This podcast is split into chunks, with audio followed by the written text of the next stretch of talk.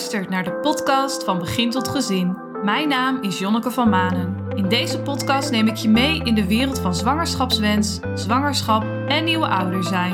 Een tijd waarin vertrouwen in jezelf en luisteren naar je intuïtie enorm belangrijk is. Hoe doe je dat dan?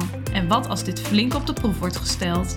Laat je inspireren door mijn inzichten, kennis, persoonlijke verhalen van mezelf en andere ouders op jouw weg naar vertrouwen en het volgen van je intuïtie in het ouderschap. Veel luisterplezier! Hallo en wat fijn dat je deze aflevering gaat luisteren. Een hele mooie aflevering, een interview met Ank, moeder die tijdens haar zwangerschappen HG heeft gehad. En HG heeft een hele mooie chique naam. Die ga ik nu niet uitspreken, die kun je in de titel zien. Maar HG is een enorm ingewikkelde en moeilijke complicatie tijdens de zwangerschap. Eentje waar heel veel onbegrip op zit, waarvan niemand weet waar het vandaan komt en hoe het ontstaat. Geen enkele arts die daar iets over kan zeggen. Tijdens het interview komen een aantal hele mooie dingen naar boven. Uh, dingen die ook Anke verrasten dat ze daarop inging. Want Anke heeft drie zwangerschappen gehad, waarvan haar eerste zwangerschap uh, een miskraam was. En het was voor haar nogal verrassing dat die naar boven kwam. Maar voor de aflevering en voor het interview gaf het wel net even een extra diepgang. En kon zij heel mooi vertellen wat de lessen daarvan waren voor haar. En wat zij daarvan geleerd heeft. En hoe zij nadat zij die lessen geleerd had en daarvan zich uh, bewust was, dat zij daarna op een hele andere manier haar andere twee zwangerschappen in is gegaan. Ank uh, en ik kennen elkaar al heel lang. En ik moet uh, toegeven dat ik haar in de aflevering ontzettend slecht introduceer. Uit al mijn enthousiasme, omdat ik uh, haar heel hoog heb zitten en zij heel veel voor mij betekend heeft. En al mijn enthousiasme vergeet ik gewoon haar fatsoenlijk te vragen of ze zichzelf even wil voorstellen. Dus doet ze het zelf maar. Nou, uh, sorry Ank bij deze. Um, maar goed, zoals ik net zei, zij is coach en zij vertelt daar. Um, zij vertelt daar in de aflevering heel goed over wat zij precies doet. En als er iemand is waarbij ik heel veel van geleerd heb over geboortepatronen, over de patronen die jij in je leven tegenkomt, hoe jij je leven leidt en dat die terug te halen zijn naar de tijd in de baarmoeder en de geboorte. Nou, als ik daar iets van geleerd heb, dan is het wel bij haar. Juist daarom is deze aflevering ook zo mooi, omdat zij daar prachtig over vertelt. En je ook net eventjes weer wat uh, nieuwe dingen van haar kan leren. En zij vertelt dat aan de hand van haar eigen verhaal. Hoe mooi is dat? Haar eigen verhaal, daar zitten zoveel uh, mooie lessen in. En omdat zij zoveel kennis heeft over het leven in de baarmoeder, uh, heeft zij ook dat tijdens haar zwangerschap kunnen gebruiken. Heeft zij de juiste mensen om haar heen gehad die haar konden begeleiden tijdens haar zwangerschappen en na de geboorte toe. En heeft ze ook volledig in contact met haar intuïtie en haar vertrouwen haar geboortes kunnen voorbereiden. De HG gaf haar de inzichten die zij nodig had. En meestal, voor de meeste mensen, gebeurt iets in je leven, iets heftigs, iets negatiefs. En daar leer je dan later, leer je daar pas wat van. En voor Ank was dat iets wat tegelijk gebeurde. Juist omdat zij die bewustwording, omdat die bewustwording zo sterk bij haar aanwezig was, kon zij die inzichten ook meteen inzien. Ja, ik vind dat bewonderingswaardig. En ze, ze geeft zelf ook aan, ik heb heel veel geluk gehad, maar ja, geluk dwing je af. Goed, ga lekker zitten voor deze podcast. Laat je meenemen. En dan wens ik je heel veel plezier. Hallo en fijn dat je weer luistert naar deze podcast. En ik zit hier met Ank. En Ank is geen vreemde voor mij, want wij kennen elkaar al een paar jaar. Ja, een paar jaar al, hè? Uh, ja, zes jaar. Ik had even oh, teruggerekend. Ja, ja. Oh, dat is wel een hele tijd, hè? Toen uh, Juliette uh, twee was, toen mijn oudste dochter twee was, ben ik bij jou gekomen. En ik ben bij jou gekomen toen ik echt op het allerslechtste in mijn leven zat. dus jij hebt echt het slechtst van mij gezien en ook weer het beste. Dus, en um, toen ik bij jou kwam, eigenlijk via het werk, uh, volgde ik een cursus van jou. Ja. En uh, ik, dat was dus al twee jaar na de geboorte van Juliette. En nou, daar heb ik ook wel in aflevering, uh, in aflevering 2 enigszins een beetje aangestipt dat ik een geboortetrauma aan over heb gehouden. Alleen toen ik bij jou in de cursus zat, wist ik nog niet dat ik geboortetrauma had. Ja, ik zie je nog zo zitten. Rechts, rechts voor, aan de, recht tegenover mij, aan de rechterkant. Uh, uh, heel verbazend te kijken. Alsof je echt, uh, wat gebeurt me hier? Welke kennis krijg ik nu te horen? Ja. Ja, ik zie nog zo zitten. Ja, dat was het ook echt. Dat was echt een eye-opener van heb ik jou daar. Maar ook heel erg, uh, ik was ook heel erg geschokt. Ja. Ja. Precies wat je zegt van wat gebeurt me hier? Wat is dit? Was ook het moment dat ik wist, ik moet nu echt wat gaan doen met mezelf. Mhm. Dit is echt foute boel. En uh, nu kreeg ik een soort van antwoord. Ja. Kun je heel kort vertellen wat die cursus inhield? Ja. Ehm, nee, die cursus... ehm, eh, ik, ben, ik ben Ank trouwens. eh, en ik eh, zit... eh, nee, is oké hoor. Ik ben Ank Kamman en ik eh, werk eh, in de praktijk in Marknessen. Eh, en in die tijd, of in, en dat doe ik eigenlijk nog steeds in de praktijk hoor, maar vooral in die tijd gaf ik inderdaad cursussen. Dat, dat- die, die ik namelijk nu niet meer. Wat gaat over hechtingsproblematiek. Hechtingsproblematiek tussen moeder en kind. Eh, en met name de periode eh, eigenlijk van zwangerschap. Dus je kunt afvragen wanneer begint hechting dan. Dat is denk ik ook een van de eerste vragen die ik dan altijd stel. En eh, voor ons begint dat, of in ieder geval voor ons, voor mij, begint dat in ieder geval op het moment van conceptie. En natuurlijk kun je nog discussiëren over de periode daarvoor, maar laten we dan even een soort van moment kiezen. Moment van conceptie. En dan kijken mensen altijd maar wel eens aan van, ja, maar hallo Ank, eh, dat weet je toch niet? Ik zeg, nee, dat klopt, ik weet dat ook niet. Alleen als je ervan uitgaat dat cellen geënt zijn, of dat ons lichaam geënt is als ware op cellen. En cellen informatie kunnen opslaan, net zoals wij met elkaar praten. Dan kun je daadwerkelijk niet iets herinneren, maar jouw lijf, eh, ja, zoals je nu tegenover mij zit, in het klein is dat ooit ergens ontstaan. En eh, op die manier gaf ik les op die, eh, in die tijd inderdaad. En daar sta ik nog steeds overigens helemaal achter hoor. Ik geloof heel erg in de periode van de zwangerschap, eh, de negen maanden daarna.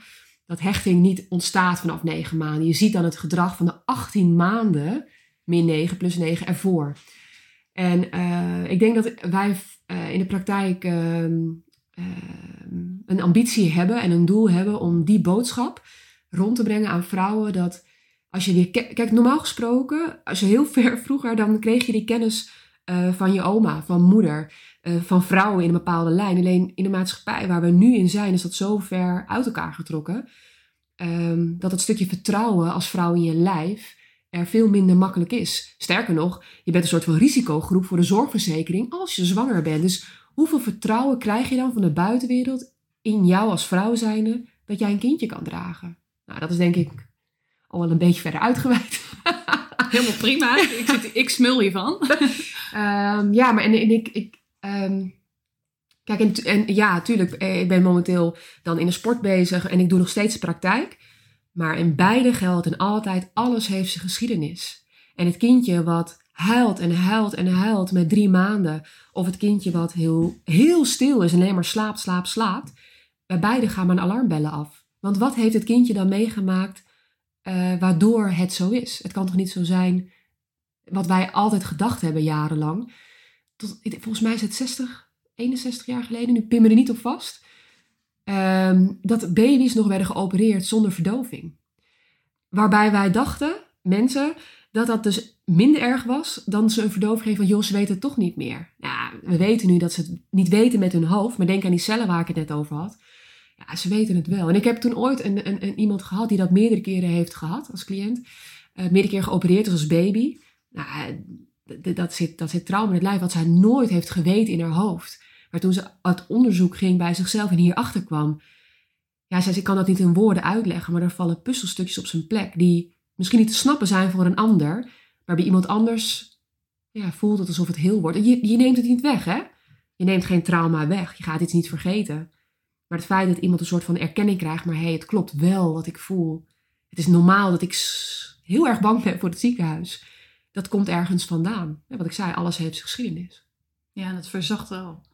Ja, het neemt het niet weg en dat hoeft het Nee. ook niet. Weet je, wij zijn mensen, je moet ook leven. Het leven is yin-yang. Het wit in het zwart, het zwart in het wit. That's life. Alleen het gaat erover, hoe ga je er dan mee om? Ja. En een stuk erkenning en herkenning daarin is denk ik essentieel. Ja. Ja, en dat had ik die avond enorm. Ja, het waren eigenlijk drie avonden, hè? Dat, eh, drie of twee avonden. Ja. Maar eh, ja, dat had ik toen enorm. Ik wist op dat moment, oké, maar eigenlijk wist je het wel, maar wil je er niet bij? Of, eh, nou ja, wat je net zegt, die puzzelstukjes zijn nog niet helemaal op zijn plek. En ik wist op dat moment, hé, hey, er is dus veel meer aan de hand dan alleen maar ik voel me niet zo goed. En waarom vind ik dit hele moederschap zo enorm vreselijk? En ook met je eigen bevalling van je kinderen Mhm. herhaalt het zich gewoon weer. Je eigen geboorteervaring en het herhaalt zich ook weer met die geboorteervaring van je kinderen. Ja. En eigenlijk zo'n cirkeltje die weer eh, terugkomt. Nou, ik, ik, ik denk ook wel als je het daarover hebt, misschien dus wel. ehm, eh, je hoort heel vaak ehm, eh, dat je eerstgeborene lijkt op je eigen geboorte, hè, bijvoorbeeld. En ik weet niet per se of dat, of dat klopt, zeg maar. Hè, of dat een soort van eh, een verhaal is wat een soort van serieus is geworden. Of dat het ook echt zo is. Ik, dat, dat weet ik niet zo heel goed. Wat ik wel denk, oh nou, dat weet ik natuurlijk niet zeker. Maar wat ik denk is, er is geen enkel eerder moment waarbij het lijf, cellen, getriggerd wordt op zwangerschap dan dat je daadwerkelijk zelf weer zwanger bent. Want dan is het eerste moment dat je lijf denkt, hé, hey, maar dit herken ik. Ja. Ehm, en dat pas dan kan een mogelijk geboortetrauma of een, een nare eh, zwangerschap bijvoorbeeld weer geactiveerd worden, omdat dit het moment is dat het weer geactiveerd kan worden. Eerder is er zo'n moment niet. Dus ik geloof wel dat daar een soort van kern van waarheid is. Nogmaals, geen wetenschappelijke informatie, maar dat is meer, nou, toch wel wat ik zie in de praktijk. Al je En, eh, jarenlange ervaring. ja, ik, ik denk, eh, ik werk nu bijna tien jaar in de praktijk. Waarbij mijn collega trouwens wel, als het gaat over zwangerschapsbegeleiding, dat meer doet. Ik heb dat een, eh, eh, wel gedaan, maar daar is hij denk ik nog meer in, eh, in gespecialiseerd. Maar ja, nee, dat, de, die kennis gewoon meegeven. Dat het klopt wat vrouwen denken, voelen. Voelen. Ja. Ja, maar en, en dat dan kunnen terugvertalen weer. Het vertrouwen hebben in hun lijf dat er zoveel vrouwen voor hun zijn geweest dat ook zij dat kunnen. En tuurlijk zijn er echt wel uitzonderingen. En we zijn nou eenmaal in een fase dat er bepaalde medische stappen mogelijk zijn. Maar het vertrouwen dat, dat het kan. En dat je niet een risicogroep bent, maar dat het een natuurlijk proces is. En dat ehm, pijn die je ervaart, bijvoorbeeld tijdens bevallen, eh, het is niet een gebroken arm. Het is pijn die, als je die gaat incasseren, nodig is om de boel beneden open te gooien. En dat het een samenwerking is tussen jou en jouw kind. En dat als jij uitstapt, als ware, uit dat proces, dat je eigenlijk uitstapt uit verbinding met het kindje, die het dan maar alleen moet redden daar. Het is een samenwerkingsproces waarin een vrouw gewoon in haar wereld mag en moet misschien wel zijn. Ehm, ja, dat is denk ik essentieel. Dat dat vertrouwen terug mag komen in de wereld. Dat vrouwen in staat zijn om te kunnen bevallen. En dat zij geen risicogroep zijn. Mooi. Ja. Ja. Ik laat jou gewoon kletsen, joh. nee, heel mooi. Want je maakt nu een mooi bruggetje. Eh. Want wij zitten natuurlijk, ik zit hier ook om jou te vragen naar Ja. jouw zwangerschappen. ja. En ook omdat deze podcast gaat ook over de moeilijkheden die ouders tegen kunnen komen tijdens een zwangerschap of naar een zwangerschapswens toe in het nieuwe ouderschap. En eh, zo heb jij dat ook ervaren. Ja, ja. Dus Even kijken, want dat is wel grappig. Het is een automatische brug ook naar het werk wat ik hier nu doe. Ehm, mijn collega, vriendin, maatje, eh, Caroline Beauvais, die was zich aan het scholen en ehm, eh, die was daar helemaal in bezig. En ik was op dat moment eh, zwanger. En ehm, ik was niet, niet, niet oké. Ik was niet fit, ik was niet, ik was niet, ja, ik, ik, ik was niet normaal misselijk, laat ik het dan zo zeggen. En natuurlijk hebben we allemaal het eerste twaalf weken dat je misselijk bent, niet zo lekker bent. dat het gewoon. Nou, ik, ik kon niet eten, kon nog niet drinken. Ik was ontzettend moe. Ik, nou, dat was niet, was niet fijn. En Caroline begeleidde dat proces al een beetje van: hé hey Anke, goh, wat gebeurt er eigenlijk allemaal een beetje? En ehm, ik had toen een echo. En eh, in die echo was eigenlijk alles goed. En ehm, ik ehm, eh, heb het hartje eh, zien kloppen. Je kunt van alles daarin ja, zien, hoe klein het ook maar is. Nou, ik wa- ik was gewoon niet, niet, niet, niet, niet, vooral echt niet lekker. Nog ineens weten wat er eigenlijk aan de hand was hoor. En ehm, nou ja, ik ging naar huis en ik denk een week later, anderhalf week later, pin me er niet op vast, ehm, zat ik op de wc en eh, er was wat bloed vrijgekomen. En eh, nou, ik, ik maakte me wel zorgen, was mijn eerste zwangerschap. Dus ik bij verloskundige bellen. Uh, super, super verloskundige trouwens. Uh, nichtje van mijn man, dat was echt wel heel vertrouwd ook trouwens. Ehm, Ook heel fijn voor jou. ja, was Vertrouwd eigenlijk... Ja, persoon voor jou. Wa- Was dat ook... ehm, want jij hebt meteen aan de bel getrokken. Hé, hey, dit voelt niet goed. ja, het was voor mij een soort van heel kort lijntje. Ja. En niet zozeer omdat het een soort van familie was, zeg maar. Eh, maar het- ja, dat was gewoon... Dat was iets- iets wat zij uitstraalde naar mij toe. Ja. Eh, iemand ook die vanuit... Je hebt soms wel eens mensen die tegenkomt die denken... Ja, maar als ik jou zie, dan schat ik jou in. Je bent al juf. Of jij bent... Zij was, is verloskundige. ja. En dat straalde ze aan alles af. Ja. Dus dat, daar kon ik blindelings op vertrouwen. Dat, dat voelde jij... Ja, ik weet niet wat dat is. Dat, dat je gewoon met iemand weet... Hier ben ik, aan, hier ben ik oké. Ja. Eh, Dat had ik met jou. Oh? Oh, nou, ja, ik, ik- ik denk dat ook iets wat... Als ik mensen bij me komen voor het eerst, zeg ik wel eens van... Als jij je hier niet veilig voelt...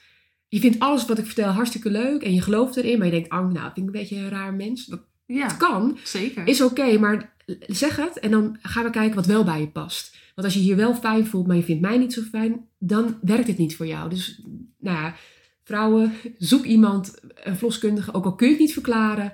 eh, die, eh, ehm, die bij, je, bij je past, waar je een goed gevoel bent. Ja, en de- dat je die keuze ook hebt. Dat mag, Ja. Je mag iemand zoeken die bij jou past. Ja, en niet Ja. iemand per se in jouw buurtje. Want eh, zij, eh, ik woonde toen de tijd in Emmeloord. Eh, Het was helemaal niet volstrekt logisch. Zij werkte op Urk. Oh ja. Nou, ik heb voor de rest qua geloof zeg maar niks met Urk. Zij, maar zij was daar werkzaam. Ik ging daar gewoon heen. Want ik had daar een goed gevoel bij. Ja, Nou, zij was heel relaxed aan de telefoon. Joh, Anne, weet je dat kan gebeuren. Eh, En dat is ook oprecht zo. Hè? Los van wat je dan achter... Het, het kan zo zijn dat... Ja, ja, nou ja, toch een beetje gek gevoel. En ehm, nou ja.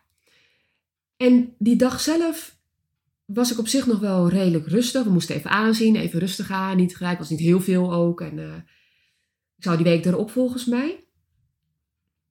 Of de week daar... eh, zou ik ook weer een echo hebben volgens mij. Of... eh, om nog wat dingen te controleren, omdat ik vrij vroeg was. Nou, de, week kan ik niet helemaal terughalen. Maar ik weet nog dat ik een paar dagen later, ik dacht een, een één of twee dagen later, ehm, ik zie me nog zitten met mijn rug tegen de verwarming aan.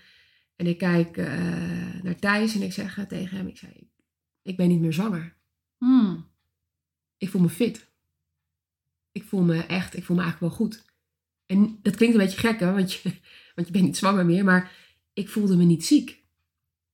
was meteen over dat moment. Het was, het, het, het, het was, het was weg. Het was, het, was een, het was in die dag, zeg maar. Volgens mij had ik ochtends. eh, Nee, het was zo. Nee, het was zo. Ik had ochtends die bloeding.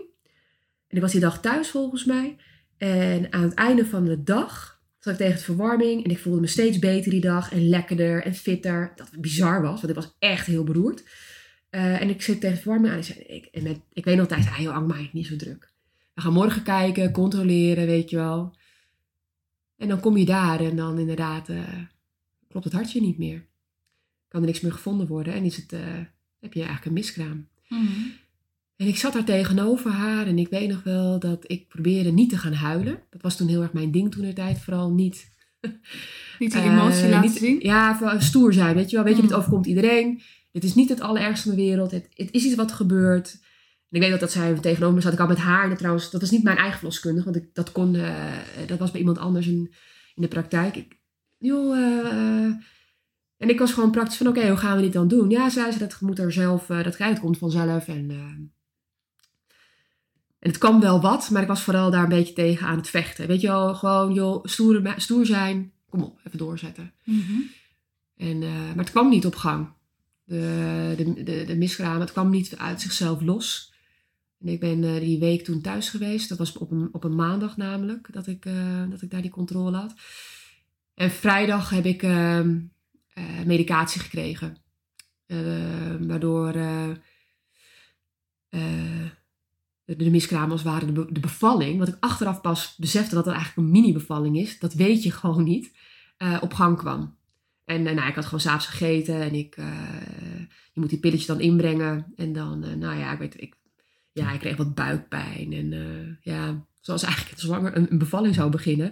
Maar je weet dat niet. Ik, ik was ook voor mijn gevoel niet goed ingelicht, moet ik heel Nee, eerlijk ik vroeg zeggen. me af, was het je ook verteld dan? Nee, want ik belde later nog een vriendin die dat ook had meegemaakt, later pas. En die zei, ik had het exact hetzelfde.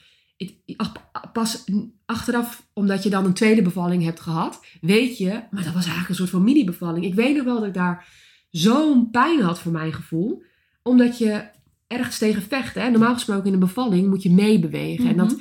heb ik in beide bevallingen. Ik heb, echt twee hele goede bevallingen gehad, vind ik zelf. Ik zou het zo neer, dat zou ik zo weer willen doen. Ehm, als ik dat had geweten, dan had ik het anders gedaan. Maar ik was bang. Ja. Ik had angst. Ik, ehm, Waar zat die angst voor jou? ja, het, dat gaat niet goed. Dit, dit, dit wat me overkomt is te heftig. Dit, dit kan ik niet aan. Hmm. Er zat het heus wel verdriet in. Er zit een soort van onwetendheid in. Ehm, en op een gegeven moment was het zo lastig dat ik, dat ik weet nog wat ik ben op de wc gaan zitten. En dat ik, dat ik zei, nou dit trek ik niet meer. Dit vind ik zo, dit, dit zo'n pijn. Dat, dat we naar het ziekenhuis gingen bellen. En achteraf weet ik, ja, dat was het moment dat je, dat het, dat je, dat het kindje eraan komt. En Ja. eh, dat, het, dat, het, dat het een beetje brandt als het ware. Het is natuurlijk heel klein, maar ja, dan, ja. En ineens is het, is het, eh, ja, is het eruit, het kindje. En, Wilde je eh, het kindje wel loslaten? Ja, dat is een goede vraag. Eigenlijk wel. Ehm, Want je wist ook dat het niet meer leefde. Nee, maar ik kon en ik, eh, ik voelde me vooral achteraf. eh, dan moet ik even zo uitleggen. Dat kon ik toen niet, nog niet zo snel zien, maar vrij snel daarna, mede door de hulp eh, en, en, en, en van Caroline. Iemand die mij eigenlijk meenam. Ja, van je collega. Ja, die heel veel kennis had ook inderdaad. Ja. Hè? En die zei, en die mij, die mij, de mensen achter, dus de zwangere vrouw zag. En die zei, Ank, wat, wat, wat maakte dat je eigenlijk zo graag moeder wilde zijn? Dit kindje in mij, ik wilde zo graag mama zijn, want dan was ik iemand. Mhm. Het was, dit, deze miskraam heeft mij in die zin zoveel ge- gebracht, dat ik geleerd heb, je wordt mama voor jezelf, niet voor een kindje. En dat heb ik geleerd van deze miskraam. En dat, eh, dat idee dat ik geen mama meer zou zijn op dat moment, dat kon ik niet loslaten. Maar dat was mijn eigen mindfuck. Dat had niks met het kindje te maken. Nee. Dit kindje had een hele zware taak gehad. Ik, mama word je voor jezelf. Niet voor een kind. nee. En had, je dat, eh, wist je dat meteen? Nee, dat, dat werd mij duidelijk in de gesprekken daarna Ja. met Caroline. Dat, Ja. eh, dat, eh, dat je het toch gaat, een beetje gaat verwerken. Je hebt toch een, Mhm. ja, we noemen wij nog een beetje verdrietige baarmoeder. Er is, er is daar rouw op die plek. Dat is anders. Kijk, je moet het zo zien dat die baarmoeder, dat wist ik toen niet hoor. Dat heb ik ook allemaal geleerd hoor. Tijdens je verwerking, want je hebt meteen Ja. daarna een verwerking opgepakt. Ja, ja ik, had gewoon echt, ik heb echt gewoon een mazzel gehad dat Caroline bij mij was. Ja, je had echt een goede persoon Ja. bij je. Ja, in die zoveel wist en ook gewoon van nature een soort van oermoeder, zeg maar. eh, die me eigenlijk ehm, meenam in dat proces. Kijk, ehm, mijn oma, eh, met wie ik toen een hele goede, of nog steeds, maar niet meer leeft, maar een hele goede band had, die zei: Joh, Ank, hoe zag het er dan uit? Ik zei: Ja, mijn, mijn oma, het, was elf weken. Het, ik, ik, je, het was een hoofd en handjes en vingers. En ik, je zag al vingertjes en Mhm. het hoofd is dan een beetje, een beetje gek, zeg maar. Ja, maar wat vervormd lijkt ja, het je, van die zwarte. Maar je, het, is een, het, is, het is zo klein. Ik laat het nu zien met mijn vingers, maar het is zo klein. Ik heb foto's van gemaakt en alles. En, maar alles zit er eigenlijk bijna al aan. En het hoeft alleen nog maar groter te worden. En ik weet dat mijn oma toen vertelde dat zij ook een eh, abortus toen heeft gedaan. Eh, en achteraf, want mijn moeder, mijn oma had zes kinderen en die was gek op kinderen. Dus ik had, als ik dit had geweten, toen der tijd, dat het, maar wij, het, het is niks. Wij, wij wisten niks anders, het is niks. Mijn moeder is ook opgegroeid met, het is niks. Vandaar dat ik niet zozeer eh, dat contact als ware met mijn moeder had, maar meer inderdaad met mijn collega, vriendin, maatje. Is een beetje gek om altijd alleen maar collega te Jij kreeg van je moeder ook terug, het is nog niks. Ja, weet je, het is, ja, het is, ehm, ja. En niet omdat mijn moeder, ze was ontzettend lief en ze was helemaal betrokken bij mij. Ehm, Maar dat was een beetje de geëikte uitspraak. ja. Van, ah joh, het komt wel weer goed. En Ja, en dat is oké, dat is Ja. ook wat mama's Ja. doen. Alleen Ja. ik, ik was iemand die toen al op zoek was, ja, maar wacht even, er zit een verhaal achter. En ik werd daarin meegenomen en eh, ik besefte heel goed, oké, maar als dit, als ik iets van deze miskraam dus mag gaan leren, dan is dit mijn boodschap. Mama wordt er voor mezelf. En ehm, ik heb het kindje geen naam gegeven of wat dan ook. Of voor mij is dat niet. Maar het is wel iets wat eh, wel in mij speelt. Dat ik ook mijn kinderen verteld heb dat er voor hun eh, nog iemand anders was. ja. Ehm, ehm, maar, maar, maar het feit dat ik heel ziek was. En ik was opeens fit en ik voelde. Ja, ik, dit, dit, dit is het niet. En eh, ik ben, het is klaar. Je Nou, wist het. Ja, ik, ja je wist het. Intuïtief wist je gewoon. Ja. Eh, En, het, en achteraf snap ik ook, het had te maken met een bepaalde fitheid. Ik, eh, in mijn zwangerschap, ik wist wanneer ik zwanger was, want dan was ik gewoon hondsberoerd. En dat Mm. was negen maanden lang. En eh, dat kwam ik pas later achter. Maar ehm, ja, ik, ik, was, ik denk, ehm, ik heb er best vrij snel intensief aan de slag mee geweest. En ik kon ook heel makkelijk daarna die knop omdraaien van oké, maar dit is dus niet wat ouderschap inhoudt. Ehm, en ik, ik, ik raakte makkelijk zwanger, dus ik mag niet klagen in die zin. Hè. Eh, Maar moederschap doe je omdat je zelf... eh, Niet als, om niet, het kind hoeft niet te komen om mij gelukkig te maken. Om een leegte op te vullen Ja. in jezelf. Ehm, of omdat je dan gezien wordt. Nee, dat, dat, die, die Ja. functie heeft het niet. Ja, of een eigendom. Dit is van mij en dat pakt niemand mij af. Ja, dat is niet een optie. En dat mag, dat, dat, dat, zo kijk ik daarna in elk geval. Hè. Dat is mijn, eh, mijn en zo ben jij een tweede zwangerschap Ja. Dat ging, dat ging eh, vrij snel daarna, moet ik heel eerlijk zeggen. Ik was denk ik drie, vier maanden daarna zwanger. Oké. Dat ging eh, vrij snel. En achteraf denk ik, goh, had het zo snel gemoeten? Het was niet zo dat ik daar volle bak eh, mee bezig namelijk ging. Het was gewoon zo. Ja. En, Het ontstond. het- ja, en dat, dus dat was ook oké. En ik, ik wist vanaf moment één bijna dat ik zwanger was. Omdat ik gewoon per direct dezelfde zieke gevoelens had. Meteen, ja. ja. Ik, weet je, en dan ook gelijk het eten. Gewoon... Soms opstaan kon ik prima. Dat kan ik nog steeds. Ehm, ik ben wel een ochtendmens. Maar ik... ik het, is, het was geen ochtendmisselijkheid. Het was de hele dag door. Ja. En had Ehm. jij ook, eh, voordat je weer voor een tweede... Nou ja, het ontstond eigenlijk, zeg je Ja. net. Maar keek je daar tegenop? Of had je nog niet echt door van... Oh, ga ik nog een keer mee? Nee, ik, ik had, dat had ik nog niet door. Nee, het is echt puur kennis wat ik achteraf had. Ja. ja.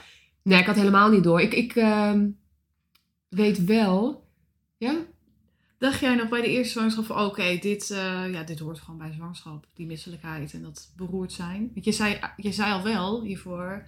eh, het voelde al niet heel normaal aan. Niet als Nee. normale misselijkheid. Nou, ik, ik had wat kennis. Mijn zus is negen jaar ouder dan ik ben. En die had vrij vroeg, eh, toen ik ehm 16, 17 was... was zij zwanger van haar eerste. En die ehm, had hetzelfde als ik. Mm. Alleen als 16, 17-jarige heb je echt geen... Ja, je denkt dat je heel groot bent. Ja, zeker. En je beeld aan. en ja, nee, en, en, eh, en, en zelfs eh, toen mijn zus vier jaar later, eh, vijf jaar later, want die had echt heel veel moeite om weer opnieuw zwanger Mm. te worden in haar hoofd. Hè? Van dan ga ik weer Ja, ja. negen maanden ziek zijn, zeg maar. Wat jij misschien wel met, jou, met, met jouw jeuk had, zeg maar. Ja, Ehm, nou, dan ga ik, dit trek ik niet. En zelfs toen, dus, dus zeg maar toen ik, ja, in het begin had ik het niet in de gaten van, zo heftig is dat. dat. Daar was ik niet mee bezig. Dus ik wist wel dat zij ziek was, maar hoe heftig dat was, Nee. kwam ik pas achter het moment dat ik daarover ging vertellen eigenlijk. En ik, eh, in de tweede zwangerschap ehm, ehm, was het eigenlijk een tikje erger. Eh, ja, eigenlijk, eigenlijk wel, wel een flink stuk erger al in het begin van de weken. Want ik raakte uitgedroogd in de mm, week 10, 11 ook weer. Zoiets. ja. Want jij gaf ook veel over. Ehm, Of dat nog Nee, dat niet eigenlijk. Ik kon gewoon niet eten en drinken. Oh, dat kwam gewoon echt niet in. En ik was kapot. Ik, ik, een deken over mijn hoofd. Alle geuren. Ik was ook de. Ik, oh, ik weet nog wel. Dat was laat in de zwangerschap. De lucht van uien die gerooid werden. Als ik het nog ruik, kan ik daar echt onpasselijk van worden. Echt. weer terug. Ja, dan kan ik. Geuren Ja. zijn zo essentieel voor je herinneringen. Ja, je woont in een gebied waar nogal wat uien worden gegooid. Ja, toen, ja, in een- ja, ik, woon, ja ik, ik woonde niet meer, maar ik woonde toen de tijd in de. Noordoostpolder. Eh, maar het ging later in de zwangerschap zelfs zo ver dat ik, ik kon het niet verdragen, vlees. Oh, na een paar maanden, nou, ik denk een week, maand drie, vier. Ik kon het niet verdragen. Ik, ik, ging, ik sloot me op in huis, boven alle deuren dicht als mijn man vlees moest bakken. En ik, ik kon het niet hebben. En dan kwam ik naar, ik deed de deur open en dan rook ik het al. Nou, de deur ging weer dicht en ik bleef gewoon in mijn bed liggen, ramen dicht. En nou, ik, dit, ik, dit was gewoon niet te doen. Het Was, ik vond het zo. Ik, ik, heb het, ik denk dat ik het nooit zo heftig heb gehad. Want die eh, verhalen, want je gaat op internet zoeken, zijn er, zijn er ook. Eh, want eh, het, he- het heet dan HG-syndroom, als, ik- als ik het goed uitspreek. Ehm, of het syndroom, de weet ik met HG in ieder geval. Ehm, dat, dat, dat kinderen echt, dat vrouwen eh, zo ver gaan dat ze hun zwangerschap op een gegeven moment afbreken. Mhm. Zo ver ben ik nooit gegaan. Zo ver ben ik ook nooit in mijn gedachten gegaan van ik wil dit kind niet. Dat is wel een randje geweest. Ik weet wel dat ik gedacht had op een gegeven moment, maar man, dit is niet te doen. Nee. Maar echt het af willen stoten of het niet willen, dat heb ik nooit gehad. Ehm, maar ik, ik, nee, ik, eten, drinken, nee. Dus, ik, eh, dus eh, op een gegeven moment was het zo heftig inderdaad dat het, ja, ik was gewoon uitgedroogd en ik, ik kon niet meer. Ik kon echt niet meer. Eh, en dan stopt alles ook in je lijf, hè, qua ontlasting en plassen en doen. En, dus jij, en als jij dus niet al zo goed zorgt voor jezelf, want dat denken vrouwen dan, hè, ja, maar als kindje, als jij niet goed voor, zorgt voor, voor jezelf, ook niet voor het kindje. Nee, want Ehm. dat lees je ook wel terug. Eh, weet je, een baby die gaat op jouw reserves. En die Ja. krijgt er dan niet zoveel van mee. En eh, dan Ja, gaat het allemaal prima. Ja, dat is ook een beetje eh, om je gerust te stellen. Het is voor mijn gevoel eh, niet zo. Ehm, en nee, en dan wat ik later ook terugzag, ik was wel heel echt vlees, joh. Dat vond ik echt aller allerergste in die hele zwangerschap. Terwijl ik vlees eigenlijk best heel lekker vind. maar ik vond het vreselijk.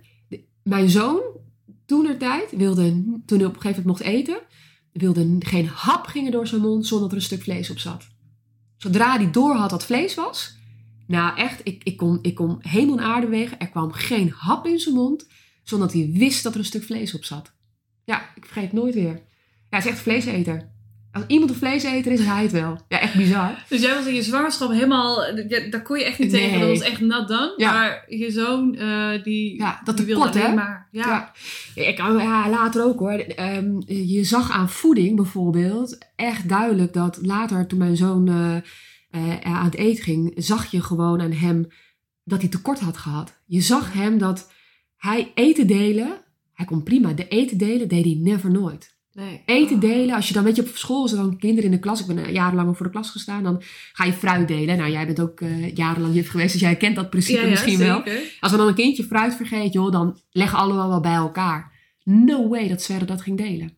Nee, dat En was dat- van hem. Ja, was van hem. Je kwam niet aan zijn eten. Nou, ik denk logisch, want dat kind heeft het zwaar gehad. Ja. Ik viel af tijdens Ja. de zwangerschap. Nou, als iets niet goed is, is dat het wel natuurlijk, want dan kom je ook afvalstoffen vrij. Nou, dus ik, was, nou, ik ging naar het ziekenhuis toen, Sneek toen. En heb ik eh, twee weken gelegen, denk ik. En net, ik zat terug te lezen, eh, want ik wist natuurlijk dat ik dit ging doen. En eh zo van Hagel, eh, dat, dat de verpleegkundige daar ook, want je komt dan op de afdeling inderdaad van gynaecologie te liggen.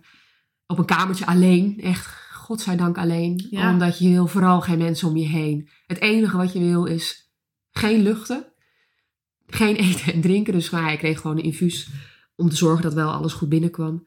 En gewoon, eh, nee, gewoon niet. Ik wil het gewoon niet. En ik, ja, eh, maar op een gegeven moment eh, hè, ster- sterk je wat aan doordat je het ziekenhuis bent. En ga je naar huis en snap je ook wel dat het zo niet kan. Dus je probeert wel te eten en te drinken. En ja, ik weet nog wel dat mijn collega zelfs, eh, ik ging wel weer wat aan het werk. Eh, ik was wel een beetje streber, dus ik vond dat ik moest werken. Want ja, ik was juf en wie kon het beter dan ik? Nou, dat, niemand. Ja, en met een eerste zwangerschap dan, eh, ja, gewoon werken. Hallo. Ja, ja. En dat was ook wel iets wat wel een beetje... Is dat ook wat je terugkreeg van je omgeving? Van nou ja, je kan ook wel hier wat gaan werken. Nou, ik had een hele goede directeur.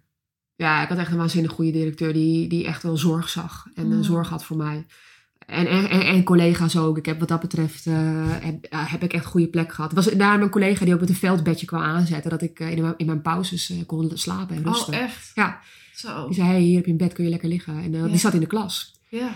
En ik had, weet je, ik was wel ehm, een juf die ook wel dan vertelde wat er aan de hand was. En ik had gewoon een hele een groep drie, vier, fantastische klas. Die mij daar heel erg goed, die echt wel, die, die, die naar mij toe kwamen. Ik hoefde niet zoveel rond te lopen. Dus zij kwamen en ik aan mijn tafeltje. En, en, en dat, ging, dat ging op zich wel redelijk. Maar ik heb in het begin, heb ik eh, de eerste weken eh, praktisch niet gewerkt inderdaad. Dus ik heb een tussenperiode gehad. Ik denk vanaf een maand of vier, vijf. Ja, dat ik een paar, dat ik het nog, nog een tijdje volgehouden. Maar ik ben er zeker eerder uitgegaan en ik heb zeker niet fulltime gewerkt. Dat was gewoon niet haalbaar. Ik had geen, ik was zo misselijk. En ja. het ging zelfs zo erg dat ik mijn haar niet meer, ik, mijn haar, ik, had, ik heb eh, vrij veel krullen. Eh, en mijn haar is echt wel een beetje een dingetje. Eh, dat ik vind, het belangrijk dat dat goed zit, laat ik het dan zo zeggen. En eh, het ging er bijna af. Oh joh. Ik heb het nog nooit zo kort gehad. Ik zei tegen de kapper en die keek me aan. Die knipte mij al jaren. Het moet er af. Het moet er echt af. Ik, een kapsel, nou zo kort, zo kort. Nou, dat stond mij helemaal niet. En iedereen schrok zich helemaal kapot toen ze mij maar zagen. wat was dat dan Nou, ik, jou? ik kon het niet meer verdragen. Dat onder de douche staan. Ja. eh, mijn haren wassen. eh, mijn haren kammen daarna. Gewoon de, het algehele malaise, zeg maar. De, geen futloos. Alles was, Futloos. alles was te zwaar. Ja, ik, ik, en ik had geen power meer. Nou ja, mensen die mij wat kennen, bruis meestal wel redelijk van de energie. Zeker. En ja, ik, ik, geen, geen, geen, geen schijn. Geen schijn van, wat ik, van wie ik was. Kreeg je dat ook terug? Ja, ja, ja. ja. Wat ik zei, ik had goede collega's. Ik, Ja. had, ik, ik had echt wel fijne, fijne mensen om me heen. Ehm, Hielp dat? eh, jawel, zeker wel. Alleen eh, je moet je jezelf er wel voor openstellen. Hè? En ik was nog wel dwars in die tijd ook nog wel. Ik moest wel wat leren nog hoor. Eh, ik ben nu wat ouder, dus ik, eh, ik heb wel wat geleerd. Ehm, kijk, misschien is het wel interessant om te vertellen dat ik eh, jarenlang daarvoor eetstoornissen heb gehad. Zowel aan de anorexische kant als de bulimische kant. Dus ik had fases van helemaal niet eten en heel veel sporten. En fases van overeten en niet sporten. Nou, dat, dat, dus eten was altijd wel een ding. En kijk, dit syn- syndroom is eigenlijk niet wetenschappelijk te onderbouwen. Hè? Maar als ik kijk naar wie ik ben als persoon en mijn struggles daarin, en ik zie wat dit, dit doet. Als jij niet goed voor jezelf zorgt, en dat doe je als je een eetstoornis hebt eigenlijk, of als je bepaalde controle wil, niet wil loslaten, perfectie, allemaal dingen die echt wel heel erg in mij zaten. Ehm, en je niet bereid bent om voor jezelf te zorgen, ehm, dat zat allemaal hierin verborgen. Mhm. Want ik deed dat niet. Ik zorgde eigenlijk niet goed voor mijzelf. En ik zeg niet dat het een één op één is, want dat kan ik gewoon niet bewijzen. Gevoelsmatig voor mij zit daar ergens verband in, omdat het, dat er in mijn hoofd zat niet de lijn, je moet voor jezelf zorgen. Nee, het zat de lijn, ik moet voor de ander zorgen. Dus als ik al mijn eten maar gaf aan de ander, aan mijn kindje in dit geval, dat, dat, is, dat, is niet, dat is gewoon iets wat je vertelt in je hoofd om het goed te maken. Want het kindje heeft het hartstikke zwaar gehad. Mhm. Want die Ja. moet vechten voor zijn eten. En dat heeft hij jarenlang ook gedaan. Vechten voor zijn, vechten voor zijn eten, vooral niet delen. Ehm, ehm, maar ja, het was, het was negen maanden. Nee, ik, het was mango's kon ik eten. Op een gegeven moment peren. Ananas ging nog wel. Maar warm eten, nee. Eh, het gekke was dat, dat ik soms wel eens oh, slagroomtaart van mijn moeder kon eten. Ja, echt, weet je. Als het erin gaat. Maar dat kon nog wel eens, zeg maar. Eh, dus, op, dus dat, dat op verjaardag dat ik wel wat achter. Ik, dacht, ja, ik, ik heb niet ontbeten dit, maar ja, dit gaat wel. Dus eh, weet Ja. je, dat, maar ja, dat je eigenlijk ook een beetje schaamt. Ook met de achtergrond die je hebt hè, qua eten. ja, was je dan eh, bang voor wat anderen zouden Ja. denken? Oh, je, je bent toch heel misselijk en eh, jij hebt Ja. toch... eh, dan ga je hier ineens taart zitten eten. ja, ja, klopt. Ja, en je krijgt in het begin ook wel pilletjes voor de misselijkheid. Nou, dat is echt gewoon, dat helpt voor geen meter. Nee. En, het, en ik wilde ook niet. Ik, wilde, ik wist ook wel van, ik was wel zo ver. Ik denk, ja, maar dit is allemaal stoffen die ik breng, breng op een plek waar het niet moet zijn. En hij had het al zo zwaar. Ja, dus dat, Ja. Dat, dat gaan we niet doen. Ik, ik had altijd wel daar een beetje. Eh, ik, nogmaals, ik vind niet dat we ons moeten oogkleppen moeten ophebben voor de medische wereld. Dat vind ik echt. Ik vind wel dat eh, er meer samengewerkt zou moeten worden. Dus het mag en en. We hebben nu eenmaal de, de, de, de mogelijkheden om kinderen te redden die mogelijk in, in, in jaren geleden niet gered hadden kunnen worden. Ehm, maar waar ligt dan soms de grens? Dus, Ja. En dat is een hele ethische kwestie hoor. Dus Mm. daar, daar wil ik me niet per se aan branden. Maar ja. Ja, nee, ik snap het helemaal hoor. Ja, Ja. het gaat best wel ver. En hoe, eh, wat voor impact heeft het dan op het kind? En eh, Ja, hoe, gaan we dan, hoe ga je dat dan... hoe ga je daar dan mee om? Ja, Maar goed, dat is Ja. inderdaad een eh, heel, heel, heel interessant verhaal. Maar, Ja. voor, maar niet, niet waar ik, veel genoeg, waar ik, niet, waar ik geen kennis eigenlijk echt van heb, nee. Maar ja, dus, die, dus die zwangerschap, ja. Ja, ik was... En het grappige was, dat direct na de bevalling... Ik weet het nog zo, ik zei, oh jongens, mag ik, mag ik een stuk ontbijt? Ik heb honger. Honger. Ja, ik heb echt honger. Ja, ik vergeet het nooit weer. En ik- is het dan meteen weg? Ja, ja, het is weg. Kind is geboren, Ja. meteen Ja, het is gewoon weg. laatste lichaamsdeel van het kind is eruit. En Ja, serieus. Ja, het is gewoon weg. hoeveel, hoeveel vertrouwen had jij tijdens de zwangerschap ook naar, naar, je, naar je zoon? Want ja, je vertelt wel, die heeft natuurlijk onder geleden. Maar was jij, daar was jij heel erg bewust van ook op dat moment? Ja, no- niet zo eh, eh, eh, ehm, bewust, nou, even pardon, eh, niet zo bewust misschien als gelijk na de bevalling. Alhoewel, ik heb, wel, ik heb met eh Caroline ook zwangerschapsbegeleiding gedaan. En dat ging heel erg over visualisaties en contact maken met je kindje. En ja. ehm, eh, dat heeft me enorm geholpen om continu af te dalen en ook te zeggen: hé, hey, maar dit is van mij niet jouw probleem. Dit is van Mhm. mij niet jouw probleem. Ja. Om het te- om een soort van te scheiden, zeg maar. Want je hebt verbinding. En net zoals wij praten tegen baby's als we, als we de luiers gaan verschonen, van je weet, ja, ze verstaan er geen hol van. Klopt. Alleen ze verstaan het wel. Want ze voelen wat je zegt. Dat is Ja. waarom wij van, al weet niet hoe lang, gewoon praten tegen onze baby's. En dat gaat met een hoog stemmetje. Dat gaat dat je af en toe denkt, oh ja, wat ben ik eigenlijk aan het doen? Ja, dat is wat gewoon, dat is biologisch gepro- geprogrammeerd. ja, en dat is ook wat jij tijdens zwangerschap veel deed. Ja, ja, dat deed ik wel veel inderdaad. Veel, veel, veel daar dat contact in, eh, in opzoeken inderdaad. En eh, veel, veel visualisaties eh, en ontspanningsoefeningen om heel erg in dat, in mijn wereld te komen. In die wereld tussen, eh, eh, tussen hem en mij. En dat, dat, dat, dat was onze wereld. En eh, ja, je hebt als vrouw nou eenmaal negen maanden voorsprong op de man. Ja, dat, dat, dat kunnen we Mhm. hoog... Ja, zo hebben mannen weer een voorsprong op ergens anders. Ehm, waarbij ik niet de hechtingsfiguur vader wil wegcijferen, want die is zeker daar een heel belangrijk onderdeel in. Maar ja, dat is wel wat er, wat, er, wat er gewoon is. Het leeft in jou. Jij bent gewoon, in dit geval, ik was gewoon heel erg ziek. Echt gewoon heel erg beroerd. En eh, ja, en ik was bij Sverre ehm, vijf dagen over tijd. Ik vind wel echt bijna twee weken. maar bij Sverre was ik vijf dagen over tijd. En, Jij eh, hebt dus ook je zwangerschap helemaal voldragen. Ja, Ja. Van tevoren gedacht, nou, het moet gewoon geboren worden. Ik wil ingeleid worden. Nee, dat, is, dat was een, eh, ook een beetje een principe kwestie. Eh, bij Femme nog veel meer dan bij Sverre. Maar ik wilde thuis bevallen. Mm, ja. Ik, ik, ik, dat, ik, ik was zo... Ik had zo het, het, het, eh, wel het geloof wel van... Ja, maar op een of andere manier bevallen? Ja, maar dat kan ik wel. Mhm. Zwangerschijn, dat, eh, dat weet ik had je niet. vol Maar, eh, vertrouwen in. Ik kan bevallen.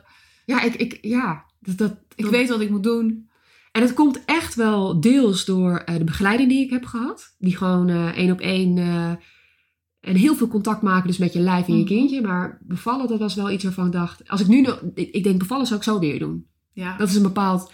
Iets waarvan ik denk, ja, dat, dat, dat snap ik of zo. En daar kun je... Ja, en, en, eh, ik moet ook zeggen dat eh, eh, beide bevallingen waren eigenlijk wel een stortbevalling. Ehm, wat ik niet zo op zich heb ervaren, maar qua tijd was het enorm snel. Ik weet nog wel dat de verloskundige, ja, weet het was een uurtje of tien, ik lag op bed. En ik dacht, oeh, zo, even de tijd opnemen, want het is wel een beetje zeer in mijn buik. En dat was gelijk een minuut. Mm. En eh, diezelfde dag, weet ik nog wel, want ik had toen een beetje een schoenentik. En eh, in de eerste zwangerschap dat ik schoenen ging kopen.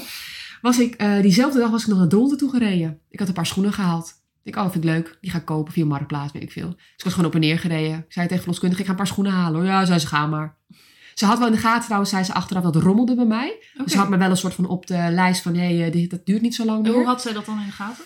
Ehm, ze was toevallig die dag nog geweest bij mij.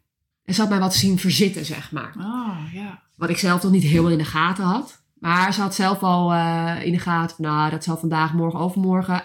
Dus ze had maar wel... Maar zij had al het vertrouwen, joh, ga maar, Ank. ja. Ga maar, ga maar lekker doen. Ja. Zij gaf jou dat. Ja. Zo van, en, ik, en, en, en, en, en mede ook daardoor dacht ik, ik ga ook gewoon, weet je wel. Dus ik in mijn eentje die auto in en uh, huppatee. En dan s'avonds om tien uur begint het en ik, oh, zo. En toen eh, was het eh 30 seconden rustig en gelijk daarna weer een minuut. De eerste W dan eigenlijk. Nou, Thijs eh, gezegd en eh, ik zei, nou, volgens mij moet, je, moet je bellen. Nou, het was eigenlijk al heel frequent. Minuut op, minuut af, minuut op, minuut af. Vijf minuten achter elkaar. Dus wij bellen. Carine heet ze. En, ah, doe maar rustig aan, zei Carine. Ik kom wel even kijken. Nou, mm, lichte ontsluiting. En nou, weet je, hangt er lekker rustig aan. Ontspannen. En ik weet nog dat ik op de grond ging liggen. De harde ondergrond. Dat vond ik fijn op een of andere manier. Dat vond ik een fijne plek. En daar kon ik rustig de wee opvangen. Nou, na een uur of zo was het zo van, ah, dat was wel heel heftig. Ik denk, nou ja, dit, eh, moet toch maar eens een keertje weer bellen. Nee, dus hebben Thijs weer bellen. Mijn, eh, mijn man toen. En die zei, Carine zei, nee dat, dat, kan nog wel eventjes. Hoor. Nee, dat, dat is wel heel, weet je doe maar even rustig aan nog. Nou, volgens mij was het een half uur. Drie kwartier uur later. Ik zei, oh, ik moet echt naar de wc. En toen dacht ik, hé, maar dit herken ik. Ja. Dit toen herken ik. meteen terug. Ja, ik denk, oh, en ik zat op de wc. Op het moment dat ik op de wc zat, hoor. Ik denk, ik hoef helemaal niet te plassen. en toen ehm, gaat je lichaam gaat zich legen, hè? Want die gaat zich klaarmaken. Dus ik Mhm. eh, moest denk ik, eh, nou, een fractie later moest ik echt heel erg overgeven. En toen belde uh, Thijs weer en toen zei ik, nee, maar nu kom ik eraan. En achteraf bleek, uh, de, uh, ik had al één of twee persweeën gehad. Toen ik op bed weer ging liggen en toen kwam Oké. mijn verloskundige binnen. En daar is geen verloskundige of geen kraamhulp bij te, pa- te pas gekomen. Die kon ze niet meer bellen. Dus was, ik weet nog wel, ze kwam binnenlopen. Ze keek me aan. Gaat het? Ik zei, ja, gaat. En ze liep terug, bellen. Ze kwam weer terug, alles klaargezet. En eh, bij, de, bij de vierde, vijfde perswee was het kindje eruit. Moest ook wel, want Sver had zijn naafstreng om zijn nek heen twee keer. Hmm. Zijn hartslag liep wat terug. Ja. Ook dat zei ze niet echt. Maar ze Ank, bij het volgende perswee gaat het kindje, gaan we het eruit halen. En eh, kijk maar, Zijn was daar heel, ja, heel relaxed. Ja, was heel relaxed. En ehm, Hoe was dat voor jou? ja, was, was weet je, het was, ehm, ik heb eh, echt, echt, ja, het klinkt misschien een beetje echt hele mooie foto's heeft Thijs gemaakt van de, van de bevalling. Echt hele mooie foto's. Dus ik eh, heb dat wel eens vaak, of ik heb het vaak teruggekeken. En ja, nee, bevallen is echt iets waar ik met heel veel plezier aan, terug, aan terugkijk. En eh Sverre heeft het heel zwaar gehad hoor. En die navelstreng om je nek, dat is niet niks. Mm. Je, je ziet nog steeds dat zijn jas dicht, no way. Hij moet altijd hier een stukje ruimte eh, bij, zijn, jas eh, hebben. bij zijn eh, Ja. keel, eh, ja, Klopt. niet helemaal naar boven. Nee, geen nee, kolletjes. eh. Sjaals, echt, dat is heel goed makkelijk. Sjaals hoef je hem niet om te doen. Kooltruien niet. Eh, nee hoor, no way. Nee, hoef je bij hem niet aan te komen. Kettingje zal hij nooit dragen. nee, want dat is een soort van trigger hè, op het lijf weer. Dat het herinnert van, hé, daar heb ik het heel zwaar gehad. ja. Eh, en hij kan, ook, ik heb het, hij kan er trouwens heel goed mee omgaan hoor, maar hij vindt het gewoon niet fijn. Net zoals wij allemaal dingen hebben die we gewoon niet fijn vinden. Mhm. En hoe was, eh, hoe was de verloskundige daaronder? Dat, eh, dat hij geboren werd en dat ze zag die navelstreng zit er omheen. Ja, ik denk echt, joh, nou ja, wat dat betreft eh, is Carine eh, was echt gewoon een waanzinnige, waanzinnige verloskundige. Die was gewoon rustig. Ja. Je hoorde wel dat het hartje terugliep, maar had in de gaten, kon inschatten dat die persweeën en dat, dat het snel genoeg ging eh, en dat het, dat, het, dat, het, dat het kon. En, Ja. eh, ze was, ze- ze- ik weet nog wel, het, het, het, ehm, ze vertelde het ook gewoon aan mij en eh, ze wist ook van hoe ik erin stond. Ze, had, ze, staat er ook hetzelfde, ze stond er ook hetzelfde in als ik. En ze, we hadden ook afgesproken, ik wil dat je zo min mogelijk ingrijpt, laat het maar gebeuren. In de zin van dat ik het zo natuurlijk mogelijk wilde. En, Mhm. ze heeft het kindje ook inderdaad gelijk bij mij neergelegd, Sverre toen. En ik weet nog wel dat Sverre echt, ehm, nou ja, ik denk dat het 10 minuten, max 15 minuten na de bevalling was, dat hij zelf mijn borst stond en eh, Mm. ging drinken. En dat, Ja. eh, eh, dat toen de kraamhulp kwam, want die kwam uiteindelijk toen, zei jeetje, er komt gewoon al, gewoon echt, er zit echt, al, echt wel melk komt er ook al uit. Dat hij echt wel guls, gulzig dronk al. Ja, dat waren, dat waren echt wel mooie, mo- dat zijn echt mooie momenten. En daarmee heb ik wel voor mijn gevoel iets ehm, gecompenseerd. Van, hey, welkom op deze wereld. Ik zie Ja. jou, ik hoor jou. En die afstand tussen borst en ogen, dat dat, dat, dat Mhm. precies scherp gezien kan worden. Met negen maanden en vijf dagen. Ja, toch wel eh, af en toe gedacht hebben, oh, maar dit is gewoon niet te doen. Nee. Dit is gewoon niet te doen. Dit is, nogmaals, ik heb nooit gedacht, ik wil het niet. Maar het had niet heel veel verder moeten gaan. Nee, nee. Want wetende, oh, na negen maanden is het, dan is het klaar. Ongeveer negen maanden natuurlijk. Ja, ja, ja. Dat, dat was geen geruststellende gedachte. Ja, negen maanden lang hoor. Ja, die zijn. Als je, ja, ja, weet Tell je, me. Ja, ja, als je iets hebt waar, waar, je, waar je gewoon maar niet... Want je, je kan, wat je er ook mee doet, het gaat niet over totdat je gaat bevallen. Ja. En dat wist ik wel, zeg maar. Van, hé, na de bevalling dan is het waarschijnlijk vrij snel voorbij. Dat het zo snel voorbij was, dat wist ik ook niet. Maar ik was daarna ook echt vrij snel wel fit. Ik, eh, ja. En hoe fijn ook dat je lichaam op dat moment, eh, die misselijkheid is weg, je voelt je fit, dat je ook met alle aandacht naar je baby kan. Ja, het was ook voor mij niet een, eh, een, weerstand eh, naar hem toe. Helemaal niet. Eigenlijk, ik was me heel erg van bewust dat dit wel echt wel mijn eigen struggle was. Ja. En dat, het, dat hij er best wel eh, daar, daar, daar, daar het zwaar mee, mee heeft gehad. En dat, dat, dat zie je pas later, daar uitingen van. Hè? Want wat ik Mhm. zei, alles heeft zijn geschiedenis.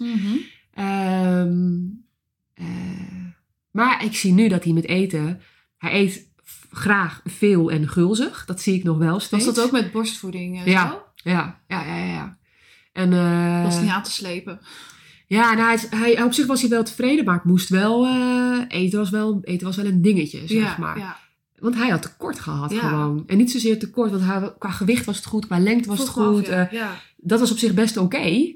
Ehm, ehm, maar ja, weet je, dat wat er binnenkomt en ook aan stress, aan emotie. Ja, een moeder die gewoon niet blij is. Mhm. Gewoon, Kijk, via de navelstreng komt er bloed en voeding binnen, maar ook gewoon emotie. En ik was gewoon niet blij. Ik was echt geen blij ei. Nou, eh, ik ben over het algemeen best wel een blij ei.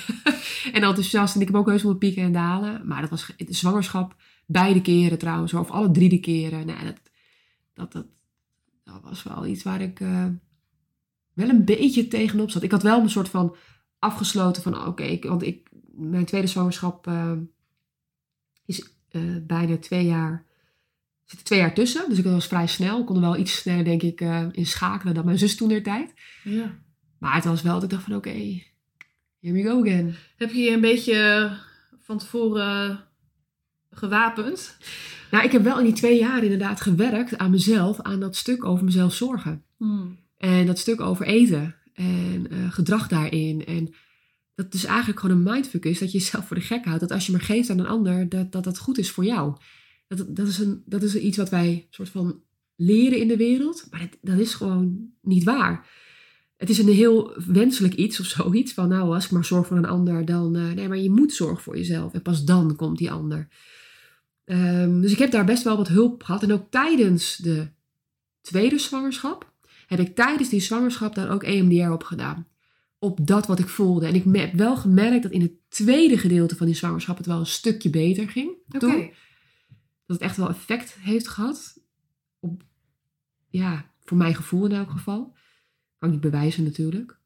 Maar het, het is- nou, de, de, de uiengeur en het vlees en koffie. Dat vind ik, ja, ik vind het zelf sowieso niet zo lekker ruiken. Maar eh, ah, man, man, man. Maar ook- zijn, ook hele scherpe en eh, penetrante geuren. ja, dus ik, dat, nee joh. Maar ik moet zeggen, vlees heb ik er niet zo heel veel last meer van. En koffie ook niet trouwens. Maar uienlucht, die uienlucht. Ja, als ik dat wel eens in de polder weer rondrijd in die periode. Dan kan ik echt denken, oh ja, oh ja.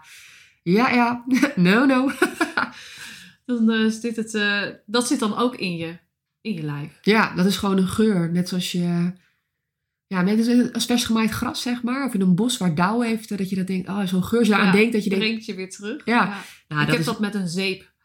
En ik had toevallig van de week de verkeerde zeep gehaald. En precies dezelfde geur als die ik aan zeep had na de geboorte van Juliette. Oh ja. En ik kan die geur niet ruiken. Ja. Ik vind het echt verschrikkelijk. Ja, nou, Ja. Dat, dat is denk ik typisch hoe, eh, hoe, dat werkt. En Ja. dat, je kan herinneringen hebben in je hoofd, je kan dingen zien, zeg maar. eh, horen qua muziek. Maar geur, dat is volgens mij wel even, volgens mij is dat de sterkste. Ja, ja, zeker. En ja, daar zitten ook positieve Ja, ja, herinneringen ja, ja, aan. zeker, zeker. Nee, dat, eh, ab- absoluut waar. En, eh, Maar die kan je ook overvallen, die geur.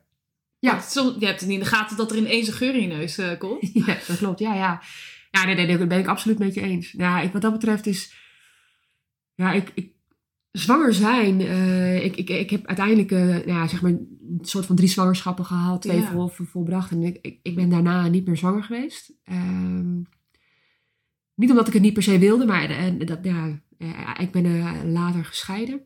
Dus dat, nou, dat, het, het, wa- het was gewoon niet meer dat dat ging gebeuren voor mij. Ik denk wel dat ik het heel graag. Ja, het klinkt een beetje als een test, hè? dat is eigenlijk niet oké. Maar ik geloof wel dat met het werk wat ik had gedaan, vanaf de eerste naar de tweede zwangerschap, Mhm. en tijdens de tweede zwangerschap, dat ik denk, goh, en er toch wel een lichte verbetering in het tweede gedeelte van die zwangerschap, dat ik denk, goh, hoe was het gezijn als? Hoe zou het zijn geweest als, sorry. Ja. Ja, ik kan, ik kan, het, nog, ik heb het, kan het nog steeds niet loslaten, merk ik. dat ik denk, oh ja, het zit, het zit toch wel dat ik denk, goh. Niet zozeer omdat ik het uit wil testen hoor, en daar- daarom een kind wil. Maar ik denk, goh, ik denk echt dat het dat een kans was geweest dat het beter was geweest. Maar ook, ook want in de tweede zwangerschap was het in het begin een herhaling van zetten. Weer Mhm. uitgedroogd, weer Ja. in het ziekenhuis. En dan is het toch anders, want dan ben je moeder en dan zit je kind jou daar in het ziekenhuis. En je bent gewoon weer twee, drie weken was ik weer onder de pannen ja. om te herstellen. Eh, Vond je dat zwaarder? Oh, ik tweede vond- zwangerschap? Ja. Ja. Zeker het eerste gedeelte. En werken. Ja, dat was dan ook nog erbij. Eh, weer, weer dat veldbedje trouwens. Eh, werken en, en, en nog een kindje erbij. Eh, ja, dat, dat, dat, ik, dat, dat heb ik echt wel eh, als zwaar ervaren. Ja. En Naar je zoon toe. Ja, want je, ik had gewoon, je, je, ehm, ik, ik kon gewoon niks voor mijn gevoel. En ik had weer zo die allemachtige geuren. Ik had wel dit keer niet mijn haar afgeknipt. Ik denk, alles wat ik ga doen. Ik weet ook zelfs dat ik in de eerste zwangerschap zo'n spijt had. Zo'n spijt van al die reacties van mensen om me heen. Van, Anke, wat heb je in hemelsnaam gedaan met jezelf? Echt niet goed met je. Nee. Dat ik inderdaad, toen ik me echt wel wat fitter voelde, dat heb ik nog dreads genomen. Dat heb ik echt helemaal, om het om te compenseren. Ik was zo kort haar, hè. Had geen krul meer in. Nou, als je het ziet, foto's terug, joh. Ja, Is dat ook een herinnering voor jou dan? Als je, die, als je dat terugziet? Ja, ja, als ik die foto's terugzie, ik zie mezelf nog zitten. Ik moest volgens mij een wedstrijd eh, fluiten voor het volleybal. Dat was een periode dat ik me redelijk fit voelde. Ik wilde toch een keertje uit. En uh, sport was wel echt, volleybal was echt wel een beetje mijn dingetje. Een uitlaatklep. Ja, en ik, ik, ik, ik heb ook... eh, wat wel heel grappig was in die periode, dat denk ik me nu opeens, dat ik me fitter voelde. En uh, Colleen zei, Anke, het is wel goed om even weer wat te bewegen. En weet je, volleybal heb ik zo lang gedaan, dat zit in je lijf. Dus jij met korfbal waarschijnlijk hebt als beweging, joh, dat, is, dat, dat zit in je of zo. En, sp- en ik ging niet in het eerste, maar toen ging ik in het tweede, heb ik nog een paar keer een wedstrijdje gedaan. En eigenlijk was dat heel erg lekker. Ja. En dat Dus kwam allemaal herinneren. Ja, ja, wat een, eh, ja. Dat, Eh, voelde, dat voelde heel fijn. ja, dat was echt zo'n moment dat ik even kon... Een stuk ontspanning. Ja, terwijl het, terwijl, terwijl ik misschien helemaal niet de energie had qua, qua voeding of zo, hè. Maar Ja. ja. ja, dat waren wel fijne momentjes. En het was echt wel rond, eh, ja, zeven, eh, 6, 27, 28 weken. Ja. Vijf, vijf- tussen de 25 en de 30 weken. Toen hebben we nog wel eh potje gevolleybald, inderdaad. Nou, dat is toch best wel wat. Ja. Misschien komt het ook omdat mijn moeder gevolleybald heeft met mij echt tot weet niet hoe lang. Ja, heeft ze echt dat ook teamgenoot zei, Marianne toen mijn moeder, jij moet nu echt stoppen. Je hebt echt weet niet hoe lang met mij doorgevolleybald. Dus misschien zal daar wel een beetje, een beetje mee te maken hebben gehad. Ja, ja en, en, en, dus ik geloof in die tweede, tweede zwangerschap, ja, heb ik het, ja, die, die misselijkheid, wat dus bijna geen misselijkheid is. Eh, want ik, ik hoefde niet per se altijd over te geven. Dat zie je ook in de verhalen Mhm. terug. Dat je echt Ja. veel moet overgeven. Dat had mijn zus trouwens wel. El, negen maanden lang. Elke dag. Mhm. Dat heb ik niet gehad. Maar ik kon gewoon niet eten en drinken. En geuren. En de hele dag je beroerd voelen. Ja. Echt. Ja. Nou, ik, ik kan... Ik, nooit... Nooit in mijn leven heb ik me zo beroerd gevoeld. Zelfs niet met mijn blinde darmontsteking in die periode. Of met andere dingen die je misschien wel eens meemaakt. Maar dat, dat, dat heeft echt wel impact gehad. Het gevoel dat je er niet aan kan ontsnappen. Er is gewoon Ja. geen mogelijkheid waarbij je even wat eh, ontlading voelt. Ja. Wat verlichting. Van, oh, ik stap nu even deze ruimte binnen. Oh, dan is het even weg. Ja, het is dat, niet zo- dat is er gewoon niet. Nee. En, nee, nee. En, en, en Femme, mijn dochter, een tweede zwangerschap was een dochter, maakt het ook niet uit, hoor, jongetje of meisje, Nee, ik denk Eh. wel inderdaad. Eh, bleef twee weken zitten. Ja. Ik weet nog dat ik het ziekenhuis was en eh, kwam binnen. Eh, en eh, die man die tegenover mij zat, eh, die zei, goh, eh, nou, eh, ja, hoe is het met je? Ja, ik zei, nou, ja, zie ik mij, op een gegeven moment had dat wel, maar oké, weet je wel, want ik had wel in mijn hoofd, ik ga thuis bevallen.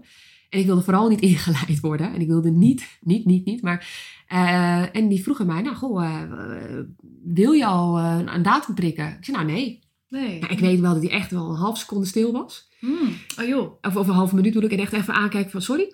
Zei, nou, dat maak je ook niet vaak mee, dit, zei hij. Ik zei, nee, ik wil, ik wil gewoon thuis bevallen. Nou, dat was eigenlijk een uitzondering. Ja, was echt, hij zei, hij was, hij zei, en hij schoof zijn stoel naar achter. Hij zei, jeetje, vertel eens even, waar, waar komt dit vandaan, joh? Dus ik mijn verhaal vertel, dat ik hier ook een beetje vertel. En hoe ik daarin sta in dat, eh, in dat proces van, van bevallen en zo, Mhm. vrouw zijn. Hij zei, nou, kom, we gaan kijken. Nou, hij zei, vruchtwater is goed, kindje is oké. Hij zei, nou, weet je. En toen had ik ondertussen zo'n band opgebouwd. Dat deed hij trouwens erg goed, hoor. Eh, dat ik dacht, ja, maar als ik dan moet bevallen... en ik wist dat dat weekend dat dan zou zijn... eh, want dan mocht het niet langer. Of als je daarvan kon, kon vinden... of van wat ik daarvan vond... dat was dan, nou, weet je, dan had je gewoon geen keuze. Dan was hij er. Ik denk, oké, als jij er dan bent, en dit is mijn plan, dan durf ik daar wel mee akkoord te gaan. En Femme, haar naam, wat ook vrouwen natuurlijk, is, staat ook voor eh, vertrouwen en loslaten. En pas toen ik los kon laten, dat in het ziekenhuis bevallen ook oké is. En dat je Mhm. dat ook op jouw manier zou kunnen doen. Ja. kwam niet die dag erna, maar die dag daarna. eh, precies een dag voordat ik dan het ziekenhuis in zou moeten, eh, kwamen de weeën. Ja, die ging nog iets sneller dan de eerste. Dus ik was eigenlijk wel blij dat hij er was. Want toen dacht ik, oké, maar nu, dit kan ik. Ja. Dit, dit, dit kan ik. En, en nu, nu eh, is het alleen maar kwestie van eh, dit samen uitzingen met z'n tweeën. En eigenlijk ging dat... Femme had dan niet de naamstelling om haar nek, maar ah, één keer over haar schouder heen. is wel echt een stuk sneller geboren. Bijna een uur sneller nog. Sverre was in 2,5 uur, Fem in anderhalf. En verloskundige zei ook gelijk, als je eerste W hebt, waarvan bij Fem het nog sneller al gelijk achter elkaar ging, dan eh, ga ik ook niet meer bij je weg. Nee. Was dit dezelfde verloskundige? Ja. Ja, dus die, eh, die eh, en die heeft ook gelijk eh, de kraamhulp al gebeld. Ja. En, eh, en de eh, eh, eh, ehm, die heeft gezeten aan de eetkamertafel. Het was allemaal beneden in mijn woonkamer. Aan de eetkamertafel. Thijs was weer foto's aan het maken en erbij betrokken gewoon. Maar ook op afstand. En, en zij was ook op afstand maar daar. En ik was gewoon in mijn eigen wereldje. Er werd weinig gezegd. Gewoon lekker stil. Dat wilde ik niet aan mij zitten. Daar heb ik een hekel aan dan. Als je eenmaal moet aaien en dat... als ik, als ik zeg maar daarin zit, dan moet je gewoon niet aan mij zitten. Kan dat, dat, eh, ja, en, en dat herhaalde zich. En ik dit denk, oh ja, maar dit, dit, dit, dit, dit, dit, kan ik. Mhm. En eh, ja, de kraamhulp zei ook, die kwam bij mij later nog. En die zei, eh, die dacht daarna, die zei, goh, ik heb met verbazing gekeken naar deze bevalling, zei ze. Ik heb er zoveel gezien, maar dit is een van de... Ik heb nog nooit zo'n rustige bevalling meegemaakt. Gewoon zo onwijs ontspannen. Ja, dat, dat waren ze alle twee voor mij, altijd. Ja. Bevallingen waren op de eerste miskraam dan na. Dat was echt gewoon paniek. Ja. Ehm, nee, de uitzonderlijke situatie ook natuurlijk. ja, maar die twee, ja. Daar kijk ik altijd met veel plezier naar terug. Ja. Misschien eh, anderen daar weer natuurlijk hele andere verhalen over. Maar, maar, maar zwanger zijn, ja, dat, eh, Ja. Is voor jou eh, Ja. een verhaal. ja, Een behoorlijk verhaal. Mooi verhaal ook. ja. Ik vroeg me nog af, die navelstreng is dus bij allebei wel een onderdeel geweest ook. Ja, klopt. Zou je Ja. dat nog ergens aan kunnen herleiden? Want dat is natuurlijk ook waar de voeding vandaan komt. Ja, Ja, voeding en emotie zo, en ja, alles. Ja, eh, ja. Ik, ik, geloof wel in, in de boodschap van, hey, luister even. Dit, hè? Ja, ja, ja. Weet je hoe zwaar ik het Ja, ik pak die navelstreng even vast. Ja. Neem het even mee, ik laat even zien wat ja, het... eh, ja. Eh, ja. Ja, ik geloof wel ja, dat daar een soort van... kijk, een kindje gaat er echt niet zelf voor kiezen hoor. Want eigenlijk als je een navelstreng meeneemt of om je nek hebt, zeg maar... Ja, dat, dat, dat, dat is... En je gaat naar het geboortekanaal toe. Ja, opgang klinkt een beetje flauw misschien, maar... Mhm. En je hebt geen lucht en zuurstof nog, maar het, je gaat, dat is niet een fijn gevoel. Je, dat, daar ontneemt alles. Je, je hartslag loopt terug. Dat, eh, dat voelt als doodgaan. Mhm. Dus dat is niet waar je voor kiest, denk ik. Dus ik geloof wel dat ook daar, alles heeft zijn geschiedenis. Wat in een zwangerschap gebeurd is, zegt vaak heel veel over de bevalling. Eh, en de periode daarna. En eh, beide kinderen hebben vrij lange borstvoeding gehad. En bij beide, beide ongeveer zes, zeven maanden. Ehm, en ik had mazzel dat dat allemaal echt wel, wel gewoon altijd goed ging op een of andere manier. Maar dat is ook eh, wat, wat er op dat moment nodig was. Ja, en ik, en ik, kon, en ik was ook bereid om dat... Zo van, ja, dat, dat is wat ik... Ik had ook in, dat, dat ging ik doen. Ja. En, en dat was ook nodig inderdaad. En die, eh, ze hadden ook beide gewoon een, gewoon een ritme. eh, drie, drie uur op, drie uur af, zeg maar. Ze waren wakker. Ze hadden niet een ritme van. Ze waren echt wel gewoon gelijk. Ze lieten wel van zich horen. Ik, heb, ik had ook van snel geleerd het be- bespreken. Huilen is niet laten huilen. Het, is niet, het heeft niks met rijping van longen te maken. Eh, veel bij je dragen. Ik was ook niet in. Ik was in het begin best wel streng eh, in de kraamhulp. Niet van baby's van hand naar hand, gewoon bij mij. Mhm. En dat vonden die mensen niet altijd even leuk. Maar eh, ja, ik was heel erg daar strikt in. Van hé, eh, de wereld was maar heel klein. En ik was die wereld samen met, met, met hun vader. En dat was de wereld. Mooi. En dat Ja. wilde ik ook zo in het begin zo houden. En ja, zo rond zes, zeven maanden dat de tandjes kwamen. Toen ben ik af gaan bouwen. En toen zijn ze gaan eten. Ze liepen allebei vrij snel met elf maanden. Ja, ze deden alles altijd wel een beetje op tempo, moet ik eerlijk zeggen. Die stortbevalling en alles op tempo, dat is wel een eh, dingetje. Dat is niet altijd gunstig hoor, want eh het moet altijd altijd snel. Dus als ik het niet snel doe, dan kunnen ze het niet goed. Maar eh, ja, dat is wel een beetje de ervaringen van, mij, van mijn zwangerschappen. Zo, ja. Ja, prachtig. Ja, ik ben ook even helemaal stil van. Ja. Ja, maar jij je vertelt ook zo mooi. Je hebt ook zoveel inzichten daarin. En soms gebeurt dat na een eerste zwangerschap pas dat een vrouw eh, pas beseft van... Oh, maar wacht eens even, er komt wel even wat meer bij kijken dan alleen maar... Oh, leuk, zo'n baby groeit in je buik en nu is die heel groot en nu, is die, eh, nu gaan die handjes groeien. Ja. Maar dat er veel meer bewustzijn bij zit. Ja, En daar was jij al eigenlijk vanaf het begin al mee bezig. En Ja. ook met voorbereiden naar, eh, voorbereiden tijdens zwangerschap, maar ook naar de bevalling toe. Ja. ja, ik denk echt dat dat enorm geholpen heeft op de manier waarop ik de bevalling altijd in kon gaan. Omdat ik onbewust dus wist, dat gaat goed komen. En ehm, ja, ik, ik, ik, ehm, ik zelf zou, ehm, er komt nooit meer een zwangerschap hoor, maar eh, altijd, ook al zou het de derde, vierde, vijfde zijn, altijd weer eh, die begeleiding doen. Omdat dat het moment is dat je echt even je terugtrekt in die wereld. En natuurlijk doe je dat niet alleen dat moment en dat ene uurtje, maar ben je er ook heel veel mee bezig. Ik deed Ja. die visualisaties op een gegeven moment in de laatste paar weken echt wel om de dag. Of, en, en dat vind ik er af en toe bij in slaap. Maakt niet uit, je maakt het Nee, echt wel ja. onbewust mee. Het werkt En, eh, gewoon door. ja, en, ehm, en op een gegeven moment zit je gewoon in een cadans. En die, die is nodig. En, en bevallingsplannen daar zijn essentieel, vind ik. Je moet weten, juist om stevig in je schoenen te staan, wat wil je wel, wat wil je niet. Ik was echt heel duidelijk voor Thijs, als er wat gebeurt, wat voor reden ook, en ik moet weg in het ziekenhuis of eh, het kind gaat naar jou. En jij zorgt dat je het oogcontact hebt, van direct is bij jou dan. Dan maar bij de volgende hechtingspersoon, als die bij de moeder kan. En jij staat voor het kind. En ik wil Ehm, als ik in het ziekenhuis ben en eh, ik wil niet per se direct aan uh, pijnstillers dan. Als dat, het is geen verplichting. Steun mij daarin op dat moment. En ik had echt wel een duidelijk plan erin. En het kwam doordat ik goede inlichting, eh, goede kennis had en, en, en, Ja. en inlichting over. En die diepte bent ingegaan. Ja. En niet zomaar alle praktische dingen uit hebt geschreven, maar echt ook in jezelf Ja. hebt gezocht van eh, wat wil ik en wat vind ik belangrijk. en, En, en, voor mij. Ja, en, da- en daarvoor heb ik eh, enorm geleerd. Kinderen zijn spiegels. En ook al tijdens de zwangerschap. Ook al daarvoor. Kinderen zijn... leer, kijk naar je kind en, en weet wat je moet leren. Dat is denk ik wat er nu nog steeds geldt voor mij.